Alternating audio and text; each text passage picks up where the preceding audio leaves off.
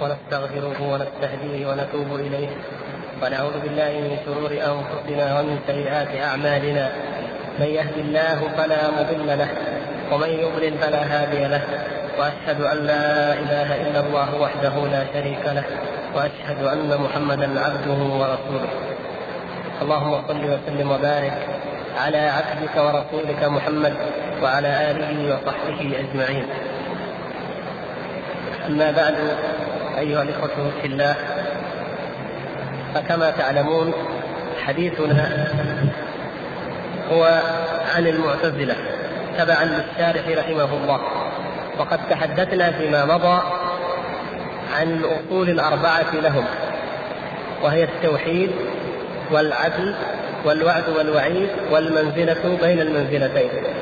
واليوم بحول الله تبارك وتعالى وتوفيقه وعونه نتحدث عن الأصل الخامس الذي جعلوه من أصول دينهم وهو الأمر بالمعروف والنهي عن المنكر. والشيخ رحمه الله تعالى يقول بعد أن ذكر مسألة المنزله بين المنزلتين ومسألة إنفاذ الوعيد قال ثم تكلموا في إلزام الغير بذلك الذي هو الأمر بالمعروف والنهي عن المنكر. وضمنوه جواز الخروج على الأئمة بالقتال. يقول بعد أن تحدثوا عن الأصول الأربعة لما تحدثوا عن التوحيد الذي يريدون به نفي الصفات وعن العدل الذي يريدون به نفي القدر وعن المنزلة بين المنزلتين والوعد والوعيد التي سبق إيضاح معناها وغلوهم فيها في مسألة حكم مرتكب الكبيرة تحدثوا أو جعلوا الركن الأخير هو الإلزام بذلك. يعني هذه الأربعة الأول هذه هي أصول الدين. والخامس ما هو؟ الإلزام بهذه الأصول الأربعة. فجعلوا الأركان أو الأصول خمسة. الأربعة والأخير هو الإلزام بها. وسموه ماذا؟ الأمر بالمعروف والنهي عن المنكر. هكذا سماه أولئك. يعني من وجهة نظرهم أنه أمر بالمعروف ونهي عن المنكر. الالتزام بهذه الأمور والدعوة إليها وإلزام الناس بذلك. وتعلمون ماذا وقع من فتنة المعتزلة لما تمكنوا وألزموا الناس بذلك. مثلا تعرفون الفتنة الكبرى التي وقعت أيام المأمون التي ابتدأت أيام المأمون واستمرت في أيام المعتصم والواثق وانتهت في أيام المتوكل.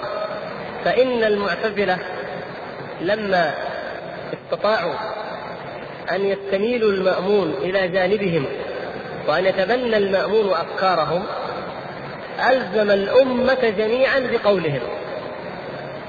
وكانوا يرون ذلك من باب الأمر بالمعروف والنهي عن المنكر. لأنه يا إخوان كل صاحب بدعة يرى أن ما هو عليه هو الحق وهو المعروف وأن من يخالفه فهو صاحب المنكر. على منكر يجب أن ينكر عليه. هكذا. ولذلك يجب على كل أحد أن يعيد النظر دائما في نفسه وأن يراجعها ليرى ما أنا عليه. أهو حق أم باطل؟ وإلا فالأصل أن الناس لا يتمسكون ولا يلتزمون ولا يلزمون إلا بما يرون ويعتقدون أنه حق. لكن هل هو في الواقع في عين الأمر في نفس الأمر حق؟ قد يكون باطلا. وهذا ما فعله المعتزلة. فيرون الإلزام بذلك هو الأمر بالمعروف والنهي عن المنكر. ومن ذلك أو ضمنوا ذلك جواز الخروج على الأئمة أن يخرجوا على أئمة المسلمين بالقتال بالسيف ويجعلون ذلك من باب الأمر بالمعروف والنهي عن المنكر. ولهم في ذلك كلام كثير وخلاف طويل. ومن أوضح الأمثلة على ذلك أو من أوضح فرقهم الأمثلة التاريخية الواقعية ما تبنته الزيدية. فإن الزيدية يرون وجوب الخروج على أئمة الجور. الإمام إذا لم يكن هو الإمام العدل المرتضى سيرته فإنه يخرج عليه. إذا فسق أو جار أو ظلم يخرج عليه قتالا يعني يخرج عليه بالسيف وجوبا. وهذا عندهم من ماذا؟ هذا من أصول الدين. وسلفهم في ذلك هم الخوارج. الخوارج الذين خرجوا على أمير المؤمنين علي رضي الله تعالى عنه ثم خرجوا على من بعده من خلفاء دولة بني أمية وبني العباس. ولم يخرجوا بناء على أصل شرعي صحيح وإنما خرجوا بناء على هذا الأصل الفاسد الذي أصلوه وأسموه الأمر بالمعروف والنهي عن المنكر. ونحن إن شاء الله تعالى سوف نوضح بالتفصيل مذهب أهل السنة والجماعة في مسألة الإمامة والخروج على الأئمة ومن ذلك أنه سيأتي شيء منه إن شاء الله في الدروس المقبلة عند الحديث عن الرافضة وموقفهم أيضا من هذا الشأن وإنما نحن آه، يعني المقصود الآن هو ماذا؟ هو الخطأ أو الضلال الذي وقعت فيه المعتزلة حين جعلت إلزام الناس سواء كانوا عامة أو حكاما بما تراه هي جعلوه من الأمر بالمعروف والنهي عن المنكر. فإنه لو وجد حاكم أو خليفة من أهل السنة والجماعة لرأى المعتزلة ضرورة الخروج ووجوب الخروج عليه حتى يؤمن بأن القرآن مخلوق وحتى ينفي الصفات وحتى يكذب بالقدر وحتى يؤمن بالمنزلة بين المنزلتين وبما سبق أن أوضحناه في شرح أصولهم الأربعة. فيرون هم هذا دينا واجبا ويسمونه أمرا بالمعروف ونهيا عن المنكر. هذا هو المقصود هنا وإن شاء الله تعالى سيأتي في مبحث الإمامة تفصيل ذلك. وسيأتي أيضا الكلام عن الأمر بالمعروف والنهي عن المنكر أيضا مع الأئمة من ضمن الأمور التي تأتي في آه، مبحث أهل القبلة وحكم الصلاة عليهم كما في الفقرة السابعة والسبعين مثلا. في سبعة وسبعين قول الإمام الطحاوي رحمه الله ونرى الصلاة خلف كل بر وفاجر من أهل القبلة وعلى من مات منهم وكذلك في قوله والجهاد ماض إلى قيام الساعة مع كل بر وفاجر. إلى آخره. هذه إن شاء الله آه، يأتي فيها الفقرة أيضا الواحدة والثمانين. يقول ولا نرى الخروج على أئمتنا وولاة أمورنا وإن جاروا ولا ولا ندعو عليهم ولا ننزع يدا من طاعتهم. إلى آخره. هذا إن شاء الله أيضا سوف نشرحه بالتفصيل في تلك هناك بإذن الله. وأما هنا فنتكلم عن معنى الأمر بالمعروف والنهي عن المنكر فقط في ذاته وحقيقته وعن حقيقته وحكمه عند أهل السنة والجماعة وعن ضلال المعتزلة فيه وضلال من ضل أيضا من غيرهم فيه.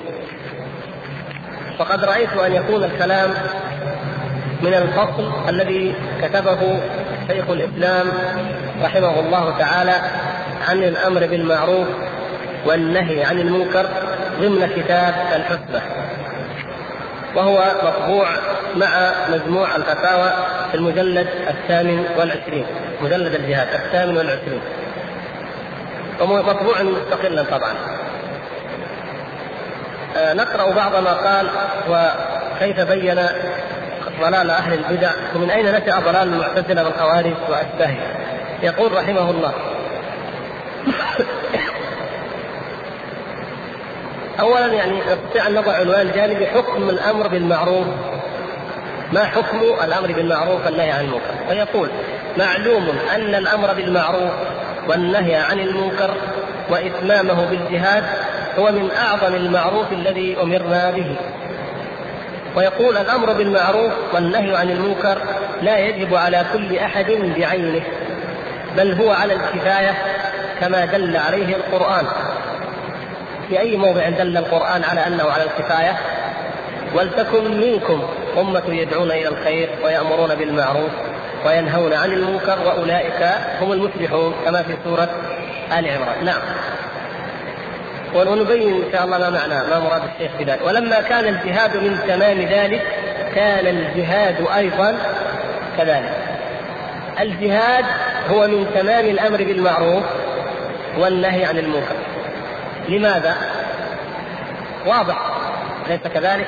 ما هو المنكر الأكبر في الوجود؟ الشرك. وما هو المعروف الأكبر في الدنيا؟ التوحيد. نعم. فإذا لم يمكن ولا يمكن طبعا بالنسبة لجميع الخلق أن يدخلوا في دين الله تبارك وتعالى ويدعوا ما هم عليه من الشرك ولا يمكن إزالة الشرك إلا بالقتال وبالجهاد فالجهاد إذا إزالة لهذا المنكر الأكبر وتحقيق لذلك المعروف الأكبر فهو من تمام ومن أعظم الأمر بالمعروف والنهي عن المنكر.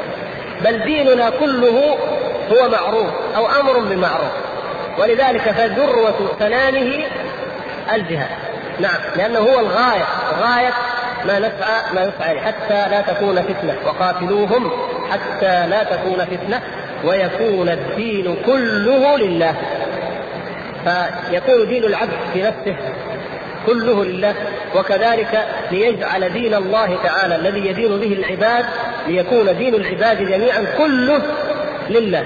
لا للشيطان ولا للشهوات ولا للكبراء ولا للزعماء ولا لكل من صد عن سبيل الله من الطواغيت. فإذا لم يقم به يقول رحمه الله فإذا لم يقم به من يقوم بواجبه أثم كل قادر بحسب قدرته. أثم كل قادر بحسب قدرته. والمقصود بذلك أيها الإخوة المقصود هو إزالة المنكر. يعني إزالة عين المنكر واجبة على الكفاية. فمتى أزيلت أزيلت عين هذا المنكر؟ سقطت الفرضية وسقط الوجوب. عمن لم يشهد ذلك أو بل عن الجميع عن الباقي سقط عن الباقي. أما الإنكار في ذاته الإنكار في ذاته فهو على درجات. والدرجة الدنيا منها وهي الإنكار بالقلب لا تسقط عن المؤمن أبدا. فهذا ما سيوضحه رحمه الله. فيقول إذ هو واجب على كل إنسان بحسب قدرته كما قال النبي صلى الله عليه وسلم من رأى منكم منكرا فليغيره بيده فإن لم يستطع فبلسانه فإن لم يستطع فبقلبه. وذلك أضعف الإيمان. إذا فلا بد للإنسان من أن ينكر المنكر. لا بد أن تنكره. لكن إنكاره غير إزالته إزالة المنكر. أي مسلم يرى منكر لا بد أن ينكره بقلبه ولا بد أن يحرص أو يحاول إنكاره باليد. فإذا أنكره غيرك وأزاله باليد سقط عنك الإثم وأوجرت فعلى ماذا أجرت؟ أجرت على إنكارك ومبادرتك ومعاونتك لمن أنكره ولمن غيره. فإن لم يكن في الاستطاعة أو في الإمكان أن يغير باليد فلا بد من الإنكار باللسان. فإن لم يمكن فلا يسقط عن أحد قط الإنكار بالقلب. ولو أن المسلمين المؤمنين ينكرون المنكر بقلوبهم فقط لما تفشت المنكرات وانتشرت في المجتمع. بالقلوب نحن الآن نطالب بالحد الأدنى مفقود. الحد الأدنى الإنكار بالقلب يكاد أن يكون مفقودا عند عامة المسلمين إلا من رحم الله. ولهذا تنتشر المنكرات ويصبح الناس الذين لم ينكروا المنكر في أول الأمر يصبحون من فاعلي المنكر ومن مرتكبي المنكر في آخر الأمر. وذلك دليل على أنهم لم ينكروا بقلوبهم.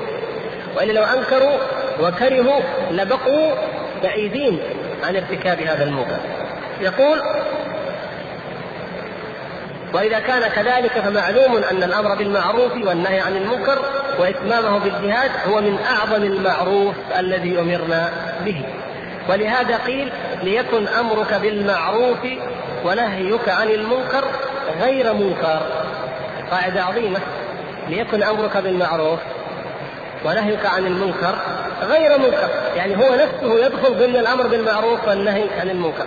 فلو أردت أن تأمر بالمعروف وأتيت بمنكر فأنت ممن يجب أن ينكر عليه ولست ممن يأمرون بالمعروف في الحقيقة يقول وإذا كان هو من أعظم الواجبات والمستحبات يعني وإذا كان الأمر بالمعروف والنهي عن المنكر من أعظم الواجبات والمستحبات فالواجبات والمستحبات لا بد أن تكون المصلحة فيها راجحة على المفسدة لاحظتم كيف؟ الأمر بالمعروف يجب أن يكون كذلك. كأي عمل من الأعمال لا بد أن تكون المصلحة فيه راجحة على المفسدة. يقول إذ بهذا بعثت الرسل ونزلت الكتب والله لا يحب الفساد بل كل ما أمر الله به فهو الصلاح. بعثت الرسل وأنزلت الكتب بالقضاء على الفساد وبالدعوة إلى الصلاح والإصلاح. فإذا دعا الإنسان وأفسد فإن ذلك ليس أمرا بالمعروف ولا نهيا عن المنكر فهو بذلك قد خالف الغاية التي يدعو إليها الدعاة وعلى رأسهم الأنبياء صلوات الله وسلامه عليهم وقد أثنى الله على الصلاح أو على الصلاح والمصلحين على الصلاحين والمصلحين والذين آمنوا وعملوا الصالحات وذم المفسدين في غير موضع ويكفي أنه لا تعالى لا يحبهم فحيث كانت مفسدة الأمر والنهي أعظم أعظم من مصلحته لم تكن مما أمر الله به. انظروا الكلام. حيث كانت مفسدة الأمر والنهي أعظم من مصلحته لم تكن مما أمر الله به لأن الله لا يأمر بالفساد. فإذا كان الأمر بالمعروف والنهي عن المنكر ينشأ عنه مفسدة أكبر فإن الله لا يأمر بذلك لأنه لا يأمر بالفساد. وإن كان في ترك واجب وفعل محرم. مكتوب قد لكن الظاهر وإن كان في ترك واجب وفعل محرم. نعم يعني حتى وإن كان الأمر أو النهي في ترك واجب أنت تنكر على إنسان ترك واجبا أو فعل محرما. هذا يستحق الإنكار. لكن يترتب على هذا الإنكار مفسدة أعظم من ترك ذلك الواجب أو أكبر من فعل تلك المفسدة أو فعل ذلك المحرم. فهل تقبل؟ وهل تفعل؟ لا. هذه من الفقه الثمين الدقيق. يقول إذ المؤمن عليه أن يتقي الله في عباده وليس عليه هداهم. المؤمن عليه أن يتقي الله في عباده وليس عليه هداهم ليس عليه أن يهدي عباد الله. إنك لا تهدي من أحببت ولكن الله يهدي من يشاء وهو أعلم بالمهتدين. هكذا قال الله تعالى نبيه محمد صلى الله عليه وسلم. ومن أخطأ في فهمها فسيأتي الكلام عليه إن شاء الله. يقول وهذا معنى قوله تعالى يا أيها الذين آمنوا عليكم أنفسكم لا يضركم من ضل إذا اهتديتم. والاهتداء إنما يتم بأداء الواجب. متى أكون مهتديا؟ لا يضركم من ضل إذا اهتديتم متى أكون مهتديا؟ إذا أمرت بالمعروف ونهيت عن المنكر.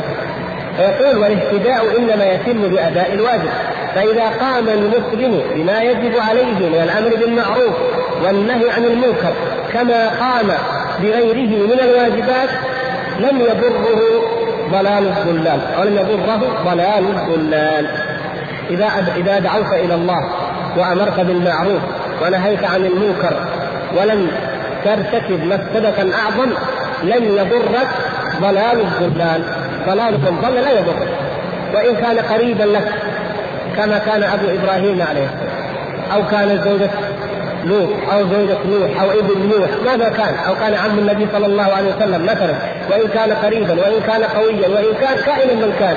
إذا قمت بالواجب على الوجه الشرعي الصحيح فلا يضرك ضلالا فإن لم تقم بالواجب فإنك آثم ومؤاخذ على عدم قيامك بهذا الواجب العظيم.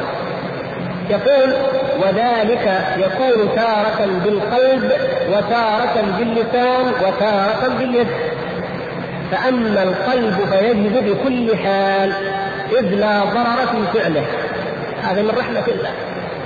من حكمة الله ورحمة الله ولطف الله جعل هذه القلوب محفوظة والسرائر مكنونة. فإذا اعتقدت في قلبك بغض هذا المنكر وأهله فإن الله سبحانه وتعالى لا قد حفظ ذلك لك فلا يطلعون عليه. ولا تتضرر من ذلك من مجرد الإنكار بالقلب، لا تتضرر من مجرد الإنكار بالقلب، ولهذا لا يسقط عنك. يجب عليك، فإن أكره الإنسان فيكون حاله كما ذكر الله تبارك وتعالى الا من أكره وقلبه مطمئن. بالايمان، المهم أن لا يشرح بالكفر صدرا. عافاني الله وإياكم، فالمقصود هو ماذا؟ هو الصدر، هو سلامة القلب من الإقرار لهذا المنكر. فيجب بكل حال اذ لا ضرر في فعله، ومن لم يفعله فليس هو بمؤمن كما قال النبي صلى الله عليه وسلم وذلك أدنى أو أضعف الإيمان. وقال ليس وراء ذلك من الإيمان حبة خردل. وقيل لابن مسعود من ميت الأحياء؟ فقال الذي لا يعرف معروفا ولا ينكر منكرا. هذا ميت الأحياء نعوذ بالله. وهذا هو المفتون الموصوف في حديث حذيفة بن اليمان. حديث حذيفة بن اليمان رضي الله تعالى عنه المعروف في عرض الفتن تعرض الفتن على القلوب كما يعرض كالحصير عودا عودا. ثم ذكر حال القلب الذي يكون المذموم المفتون وهو الذي يكون كالكوز مدخيا نعوذ بالله. لا يعرف معروفا ولا ينكر منكرا. فالذي لا يعرف المعروف ولا ينكر المنكر موصوف بأنه ليس بمؤمن وأنه ترك أدنى الإيمان وترك أضعف الإيمان وترك مثقال أو ليس عنده مثقال خردلة من إيمان حبة خردل من إيمان وأنه ميت وإن كان من الأحياء باجساد فهو ميت لأنه لا ينكر المنكر وهو أيضا مفتون إلى آخر ما ورد في ذمه من كلام رسول الله صلى الله عليه وسلم وصحابته. فالمقصود هل الذي يترك الأمر بالمعروف والنهي عن المنكر أو رأى منكرا هل الذي رأى منكرا فلم يغيره حتى بقلبه يكون غير مؤمن بمعنى أنه خارج عن الملة وخارج عن أهل القبلة؟ لا. وإنما ليس بمؤمن أو غير مؤمن بهذا الأمر. إنسان يعلم أن الله حرم هذا. الواجب علينا جميعا أن نعتقد أن الله سبحانه وتعالى حرم هذا الحرام ايا كان مما حرم الله. فإنسان لم يغيره بقلبه ولم ينكره بقلبه فهذا ليس بمؤمن بأن الله حرمه. ليس بمؤمن بأن هذا منكر؟ ولا يعني ذلك أنه ليس مؤمن بالله ولا ملائكته وكتبه ورسله واليوم الآخر. لكن بهذا الشيء.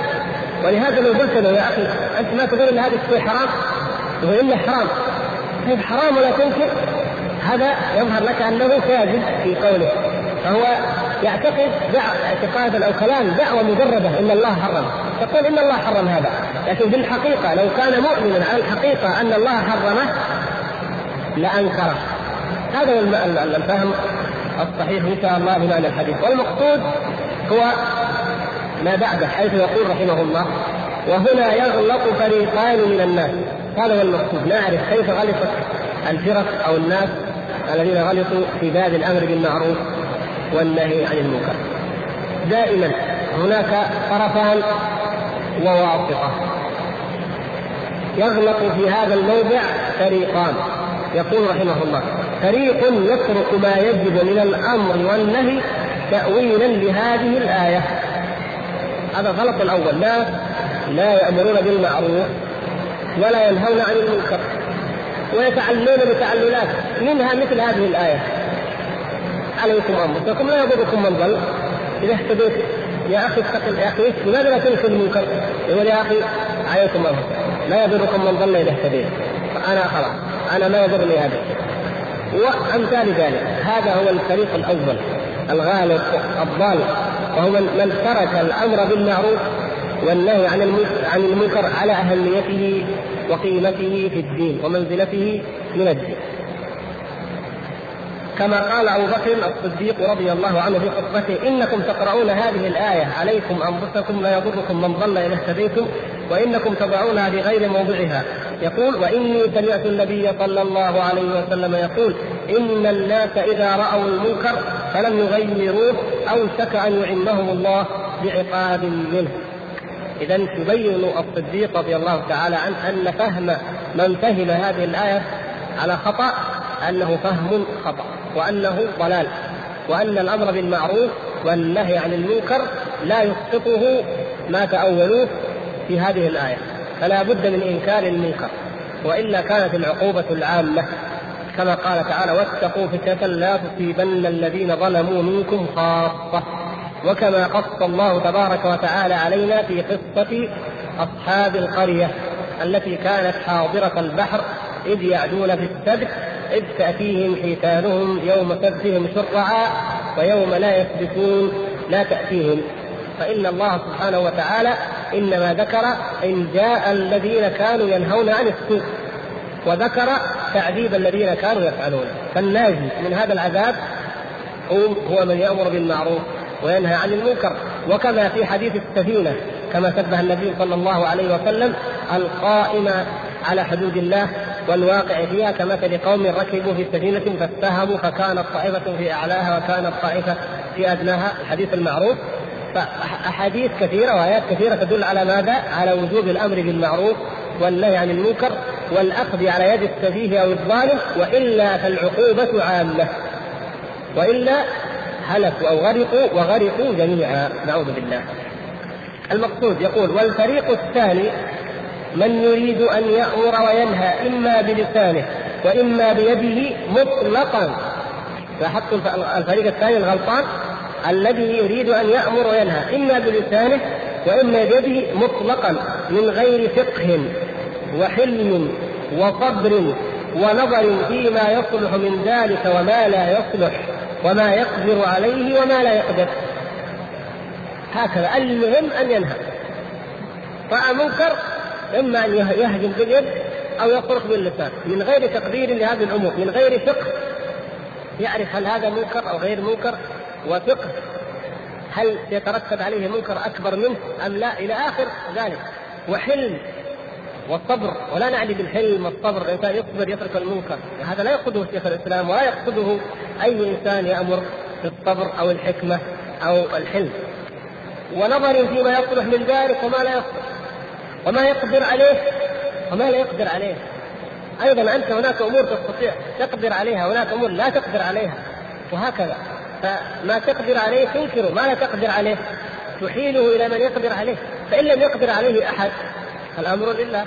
وقد كان النبي صلى الله عليه وسلم وأصحابه مستضعفين في مكة لا يقدرون على شيء. خلاص ما كلفهم الله سبحانه وتعالى أن يرتكبوا امرا يخل أو يقضي على دينهم وعلى أنفسهم وعلى دعوتهم وهم لا يستطيعون. المقصود يعني الشواهد كثيرة وقد فصلها رحمه الله ونحن فقط نستعرض الآن لنصل إلى الخلاصة.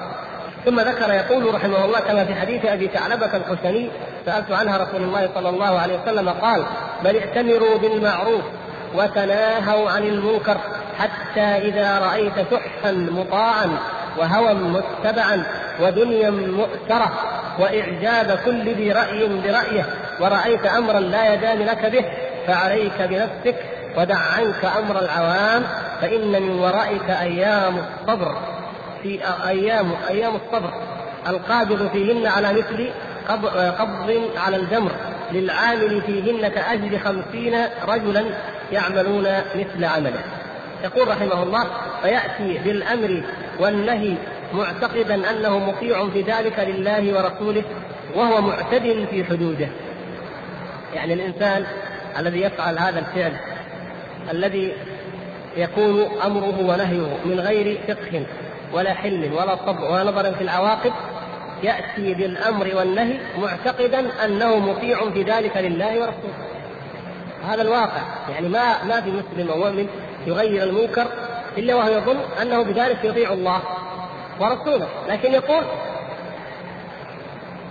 وهو معتد في حدوده والحقيقة أنه معتد في حدوده. كما انتصب كثير من أهل البدع والأهواء كالخوارج والمعتزلة والرافضة وغيرهم ممن غلط فيما أتاه من الأمر والنهي والجهاد على ذلك وكان فساده أعظم من صلاحه. ومن هذا المدخل دخل أولئك. كيف كان الخوارج في عبادتهم؟ مثلا هل يظنون أو يتهمون بأنهم لما زعموا أو ادعوا إنكار المنكر أنهم كانوا منافقين كاذبين؟ ما أحد اتهمهم بذلك حتى ممن قاتلوهم. لكن كانوا ضالين في فهمهم لإنكار هذا المنكر الذي ظنوه بزعمهم. كيف كيف يحكم الرجال في دين الله؟ أخي على طريق الحق هنا منتصف الشريف. فلما نظرهم عبد الله بن عباس رضي الله تعالى عنه قال إن الله سبحانه وتعالى قد حكم فيما هو أدنى من ذلك في أرنب أو شاه. فكيف لا يحكم في أمر تحقن به الدماء ويصلح الله تعالى به الأمة؟ يحكم به ذوى عدل منه فجزاء مثل فجزاء مثل ما قتل من النعم يحكم به ذوى عدل منه وحكم فيما, فيما بين الزوجين. فإن خفتم وإن خفتم شقاق بينهما فابعثوا حكما من أهله وحكما من أهله. سبحان الله يحكم. الله سبحانه وتعالى يشرع لنا التحكيم للإصلاح بين امرأة وزوجها.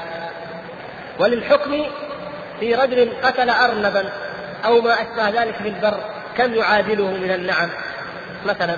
فإن كان حمارا وحشيا مثلا قيل يعادله الثور وإن كان زرافة يعادلها بعير وإن كان كذا غزالا يعادله الشاه. سبحان الله يحكم به يحكمنا الله تعالى في هذه. ونقول لا حكم للناس لصحابة في أمر تحقن به الدماء بين المسلمين. صلح عظيم صلح من أعظم أنواع الصلح. قالوا لا الحكم لله. ولهذا قال علي رضي الله تعالى عنه حكمت لما قالوا حكمت الرجال في دين الله وفي كتاب الله قال إنما الكتاب خط مسطور وانما ينطق به الرجال. يا ناس إحنا ما حكمنا شيء غير القرآن. لكن يقول القرآن خط مسطور كتابة مسطوره في هذا المصحف. لا تنطق وإنما يحكم بها الرجال. يأتي رجل يقول قال الله ويحكم أو قال رسول الله صلى الله عليه وسلم ويحكم. فإنما يحكم من؟ الرجال فإذا حكمنا أناسا على أن يحكموا بكتاب الله ورفعنا كتاب الله وجعلناه حكما بيننا فنحن لم نحكم الرجال وكما قال لم نحكم مخلوقا. لكن المقصود هذا هو فقههم الأعوج وكذلك الرافضة الروافض وأشباههم قالوا في مثل هذا الموضع إذا لم يكن الإمام من أهل البيت من الأئمة الاثني عشر فلا صحة لحكمه. ويجب الخروج عليه. وإن كان هم في, في لهم مواضع في إيضاحهم إن شاء الله يتركون الجهاد وإنما قالوا نخرج بسيوف من خشب ويقولون إن الحسين رضي الله تعالى عنه خرج من أجل ذلك إنكارا للمنكر وهم لا يرون الجهاد أصلا. المقصود يقول كما قال رحمه الله أهل البدع أهل البدع يجتهدون بزعمهم ف يرون أن هذا الأمر هو من الامر بالمعروف والنهي عن المنكر فيقعون ومن معهم من الأمة في منكر أكبر وفي إثم عظيم. نسأل الله العفو والعافية. يقول رحمه الله ولهذا أمر النبي صلى الله عليه وسلم بالصبر على جور الأئمة. أمر في أحاديث كثيرة ستأتي إن شاء الله بالصبر على جور على جور الأئمة ونهى عن قتالهم ما أقاموا الصلاة.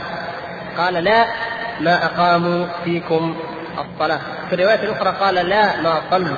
أفلا ننازعهم يا رسول الله؟ أفلا نقاتلهم؟ قال لا ما أقاموا فيكم الصلاة أو لا ما صلوا. وقال أدوا إليهم حقوقهم وسلوا الله حقوقكم فإنما عليه ما حمل وعليكم ما حملتم. الواجب على الجميع الحكام والأمراء والعلماء والخاصة والعامة الواجب على الجميع التعاون على تقوى الله وعلى العدل وعلى الإنصاف.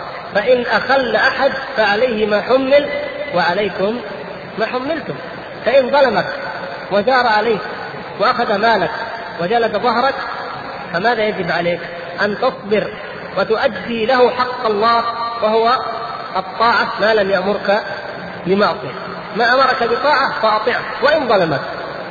هكذا. وهذا إن شاء الله سنفصل القول فيه ونبين بالتفصيل وبالوقائع التاريخية بحول الله عز وجل. مزايا ذلك. وفوائده العظيمة. واجتماع الأمة. واجتماع القلوب. وكيف يحصل به إنكار المنكر من جهة؟ واجتماع الأمة من جهة. وتدفع به الفتنة عن العلماء وعن المصلحين والآمرين بالمعروف والنهي عن المنكر من جهة. وكثير من المصالح فيه. أما لو أن كل من جار أو ظلم أو فسق خرج عليه أصبح الأمر دعوة. كما قيل لما قيل عبد الله بن عمر رضي الله عنه إن يزيد يشرب الخمر. قال هل رأيتموه؟ إنما قيل لكم إنه يشرب الخمر فقلتم يشربها. اي ما ما في دليل. يصبح كل من أراد أن يثير فتنة يقول هذا الإمام يشرب أو هذا الإمام يفجر أو يفعل وهكذا. فتقع الفتنة ولا تحقن الدماء ولا يقوم للجهاد قائمه ويأتي من المنكرات أضعاف أضعاف ما يراد القضاء عليه. كل هذا سيأتي إن شاء الله تعالى بالتفصيل. ولكن المقصود هنا هو فقط بيان أصل القضية ولهذا قال رحمه الله وقد بسطنا القول في ذلك في غير هذا الموضع ولهذا كان من أصول أهل السنة والجماعة لزوم الجماعة وترك قتال الأئمة وترك القتال في الفتنة ترك قتال الفتنة كما تواتر ذلك عن النبي صلى الله عليه وسلم. وأما أهل الأهواء كالمعتزلة فيرون القتال للأئمة من أصول دينهم ويجعل المعتزلة أصول دينهم خمسة. وهذا الشاهد لكلامنا هنا. ويجعل المعتزلة أصول دينهم خمسة. التوحيد الذي هو سلب الصفات والعدل الذي هو التكذيب بالقدر والمنزلة بين المنزلتين وإنفاذ الوعيد والأمر بالمعروف والنهي عن المنكر الذي منه قتال الأئمة. وقد تكلمت يقول رحمه الله وقد تكلمت على قتال الأئمة في غير هذا الموضع وجماع ذلك داخل في القاعدة العامة. كل ما يتعلق بإنكار المنكر سواء تعلق ذلك بإنكاره على كبير أو صغير يقول كل ما يتعلق بالأمر بالمعروف والنهي عن المنكر تجمعه قاعدة واحدة عامة ما هي يا شيخ الإسلام؟ يقول رحمه الله. يقول في القاعدة العامة فيما إذا تعارضت المصالح والمفاسد والحسنات والسيئات أو تزاحمت. فإنه يجب ترجيح الراجح منها فيما إذا ازدحمت المصالح والمفاسد وتعارضت المصالح والمفاسد. فإن الأمر والنهي وإن كان متضمنا لتحصيل مصلحة ودفع مفسدة فينظر في المعارض له. الأمر أو النهي إن كان يتضمن هذا تطبيق للقاعدة إن كان أمرك بالمعروف أو نهيك عن المنكر متضمنا لتحصيل مصلحة ودفع مفسدة. فينظر في المعارض له. ما الذي يعارضه؟ فإن كان الذي يفوت من المصالح أو يحصل من المفاسد أكثر لن يكن مأمورا به. لا تظن أنه مأمور به. ليش؟ لأن المفاسد أكثر. والله تعالى لا يأمر بالفساد. وهذا أصبح أمرا بالفساد. وإن كان فيه تركا لمنكر لمفسدة موجودة نعم. لكن ما دام سيحدث أضعاف هذه المفسدة أو أكبر منها أرجح منها فلا تنكر. هذا كله يعني هذه قواعد عامة. لما يقول شيخ الإسلام رحمه الله قاعدة عامة مو معناها رأي أو هوى من عنده معناه يشهد له يشهد لها أو استنبطها من آيات كثيرة وأحاديث كثيرة. وإذا شاء الله سبحانه وتعالى عندما نتحدث عن عن الأمر المعروف والنهي عن المنكر بالتفصيل كما ذكرت أيضا سنأتي بالأدلة الكثيرة جدا لا تدخل تحت الحصر في مسألة وجوب أن تدفع أو أن يترك الأمر إذا كان فيه مصلحة أصغر وكانت المفسدة أكبر وأرجح وأعظم. يقول فإن كان الذي يفوت من المصالح أو يحصل من المفاسد أكثر لم يكن مأمورا به، بل يكون محرما إذا كانت مفسدته أكثر من مصلحته. لكن قضية مهمة جدا يا أخوان انتبهوا جزاكم الله خيرا. لكن اعتبار مقادير المصالح والمفاسد هو بميزان الشريعة. يعني ما واحد يقول المصلحة أنا شايف أن المصلحة الآن أن المرأة تخرج وتعمل عشان تعيش عيالها. من الذي يقدر المصالح والمفاسد؟ بميزان الشرع. فكل ما خالف دليلا من أدلة الشرع فهو مفسد. لاحظتم كيف؟ ابدا. لكن المسألة هنا الإشكال هنا الفقه. الفقه ليس مجرد معرفة أدلة فكثير من الناس قد يعرف أدلة كثيرة. بل بعض الأمور بعض الأحكام أدلتها محصورة. بعض الأمور بعض القضايا حتى مما يختلف فيه اليوم بين الدعاة أو بين العلماء أو بين أدلتها محدودة جدا. يعني تلقاها آيتين مثلا وخمسة وعشرة حديث بس. خلاص كل الأدلة معروفة محدودة. المشكلة ليست في معرفة الأدلة. القضية ما هي؟ أن تعرف أدنى أو تعرف أو أعظم المصلحتين فتفعل. وأن تعرف أكبر المفسدتين فتدفعها.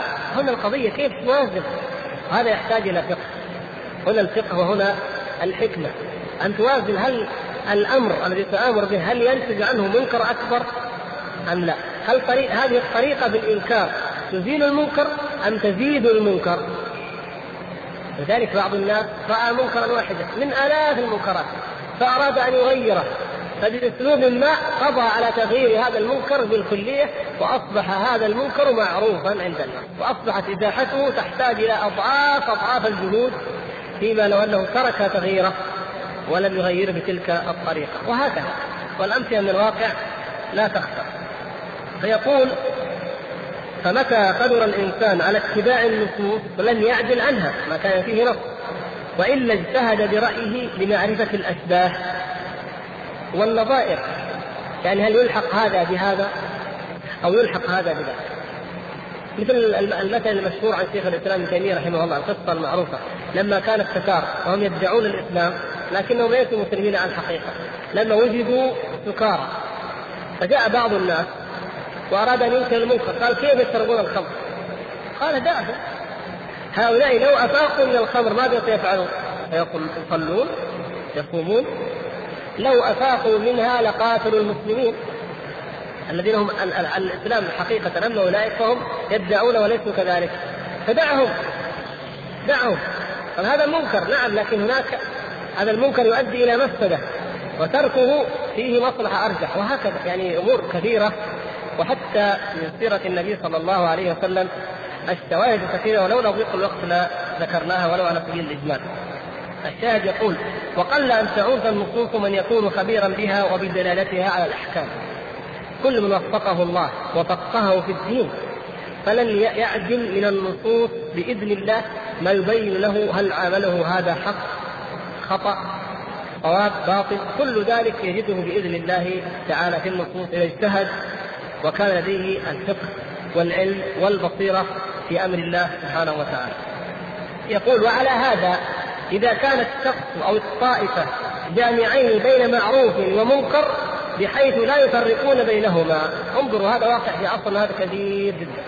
يعني منكر ومعروف مجتمعان معا. لا يمكن التفريق بينهما. بل إما أن يفعلوهما جميعا أو يتركوهما جميعا لم يجز أن يؤمروا بمعروف ولا أن ينهوا عن المنكر. انظروا هذا كلام شيخ الإسلام رحمه الله. يعني طائفة مجتمع فيها أمر معروف ونهي عن المنكر سواء ولا يمكن أن ينفصل أحدهما عن الآخر كما إذا جينا فرضا يعني جينا برجال فساق أو لا دين لهم وكانوا مسؤولين مثلا عن حفظ الأسواق وقيل لهم راقبوا المنكرات إذا رأيتم النساء المتبرجات كلموهن مثلا وهم فساق فعندنا الآن اجتمع إيش؟ أن النساء المنكر واقع وهو ماذا؟ أن هذا الفاسق ماذا اذا إذا كلم المرأة أو قال بها أو عاقبها قال أنا تعالي معي السيارة حتى أوديك المركز إيش يصير؟ مثلا منكر وإذا امرناه فإن إذا إذا لم نامره إيش يصير؟ نترك الأمر المعروف يترك ينتشر ينتشر التبرج والفساد. لا يمكن انفصال أحدهما عن الآخر، يعني لم نستطع مثلا ناتي بالحرس أو الشرطة أو الدوريات كلهم يعني ما يهمنا الأسماء أو المثال، المهم الواقع لم يكونوا من أهل الدين والأمانة والثقه، ما قدرنا، ما في، هذا وضع الأمة مثلا. ففي هذه الحالة نأمرهم نقول أمر بالمعروف ونهى عن المنكر فيقع المنكر. اذا ما الحل؟ يقول لا ي... لم يجوز أن يؤمر بالمعروف ولا ينهى عنه. لماذا؟ لأنه لا يمكن أن ينفصل عن ذلك فهما متلازمان معا وإنما الواجب ماذا؟ الواجب أن نسعى إلى الفصل بين المنكر والمعروف بأن يؤتى بالأمناء الثقات طيب هذا يقول ويبقى ويبقى لبث نوح بقومه ألف سنة إلا خمسين عاما. كونه يقول مو معنى نستعجل فنأمر فيأتي المنكرات أشد. هذا كأنه كأنه كأن المصلحة والمفسدة كأنهما متوازيتان مثلا. يقول بل ينظر فإن كان المعروف أكثر أمر به وإن استلزم ما هو دونه من المنكر. لكن إذا كان المعروف أكثر ويستلزم شيئا من المنكر أضرب لك مثال يعني شاب أعزب وإن كان ذا دين واستقامة وخلق أو اثنين حتى لا ينبغي في الأصل من حيث الأصل أن يقبضا على امرأة أو أن يخلوا بامرأة وإن كان هما على دين وعلى استقامة وهما اثنان مثلا معا لكن من حيث الأصل لو وجدنا شابين مع امرأة ليه؟ لماذا؟ من غير مصلحة يعني من غير سبب لكن لو كان من من رجال الأمر بالمعروف والنهي عن المنكر من رجال الحكم وسيقبضان على امرأة فيها فجور أو دعارة أو فساد مثلا. ففي هذه الحالة يوجد انكار المنكر يوجد فيه أو يتضمن لشيء من إيش؟ من المنكر موجود لكنه أقل بالنسبة ليش؟ للأعظم وهو إنكار هذا المنكر. لأنه لابد أن نغير لابد أن يقبض على هؤلاء الدائرات. ولا يمكن أن نأتي بملائكة من السماء. لابد أن يؤتى باناس هؤلاء الاناس في الأصل أن لا يمسكوها ولا يمسكوها؟ لكن طبيعة العمل لا بد أن يقبض عليها وقد تقيد وقد كذا وقد تتكلم وقد تخبر بماذا فعلت من الفجور وهو أمر لا ينبغي سماعه إلى غير ذلك. هذه هذا المفاسد تتلاشى أو تهمل بجانب القضاء على المنكر لأنه أرجح. الأمر المعروف هنا أرجح. يقول ولم ينهى عن منكر يستلزم تفويت معروف أعظم منه. لو كان العكس لكان أيضا العكس إذا كان فيه تفويت لمعروف أعظم منه كما لو رأيت إنسانا على بدعة. يفعل بدعة. وأنت تطمع أنك لو لا ينته ولا قصته لا أفهمته فترك الشرك. يعني هو عنده شرك عنده بدعة. فرأيت أنك تترك على هذه البدعة الآن حتى تكلمه. فإن بهذا الأسلوب الطيب والكلام استطعت أن تقضي على الشرك أولا. هذا لا شك. هذا المعروف الذي يفوت الفوات فوات آه، دعوته إلى التوحيد. هذا لا نفوته لندعوه إلى ترك البدع. بل لو كان من أهل القبلة ومن أهل التوحيد وهو مبتدع فهو فذلك خير من أن يكون من أهل الشرك والعياذ بالله. ثم إن كان على بدعه أيضا فأكبر فلا نفوت ترك هذه البدعة الكبرى من أجل أن ننكر عليه بدعة اصغر وهكذا هذا من الفقه. وهذا مما لم تفقهه الخوارج ولا المعتزلة.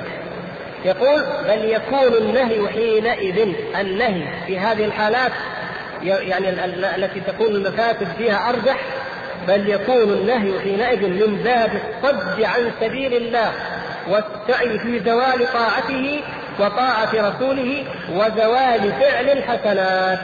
شوف كيف يقول؟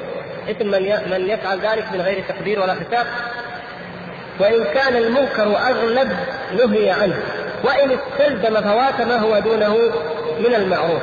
ويكون الأمر بذلك المعروف المستلزم للمنكر الزائد عليه أمرا بمنكر وسعيا في معصية الله ورسوله. وإن تكافأ المعروف والمنكر وإن تكافأ المعروف والمنكر المتلازمان قل لم يؤمر بهما ولم ينهى عنهما. نبقى في حالة سلبية مطلقة. إذا تكافأ وتساويا. وبعدين لما نقول الإنسان ينظر في الأدلة. يستفيد أيضا. يعني افرض أنا في تقرير خاص أن المفسدة قليلة والمصلحة واضحة. ماذا علي لو استشرت هذا الأخ وهذا الأخ؟ قلت تعال يا أخي. أنا أرى أن المصلحة أرجح. ما رأيك؟ إن قال نعم المصلحة أرجح. الحمد لله أعمل وأنا مطمئن. وإن قال لا المفسدة أكبر بدليل كذا وكذا أقول الحمد لله لم أخطئ فيكون ينطبق علي ما قاله شيخ الإسلام من أنه يصبح والعياذ بالله يصبح من باب الصد عن سبيل الله والسعي في زوال طاعته وطاعته. اذا ماذا علينا لو تشاورنا؟ ماذا علينا لو سألنا؟ ماذا علينا لو تأنينا؟ وكما قال رحمه الله في الرد على الرافضي من هذه السنة يقول إن الله تعالى لم يبعث الرسل لاستئصال الشر من العالم ما بعث الله تعالى الرسل ليستأصلوا الشر من العالم. ولو فعل ذلك لو كانت الحكمة هي ذلك لما بقي في العالم شر. وإنما للتخفيف منه ما أمكن. خلاص؟ وإنما للتخفيف منه ما أمكن. فتارة يصلح الأمر وتارة يصلح النهي وتارة لا يصلح لا أمر ولا نهي. نكمل إن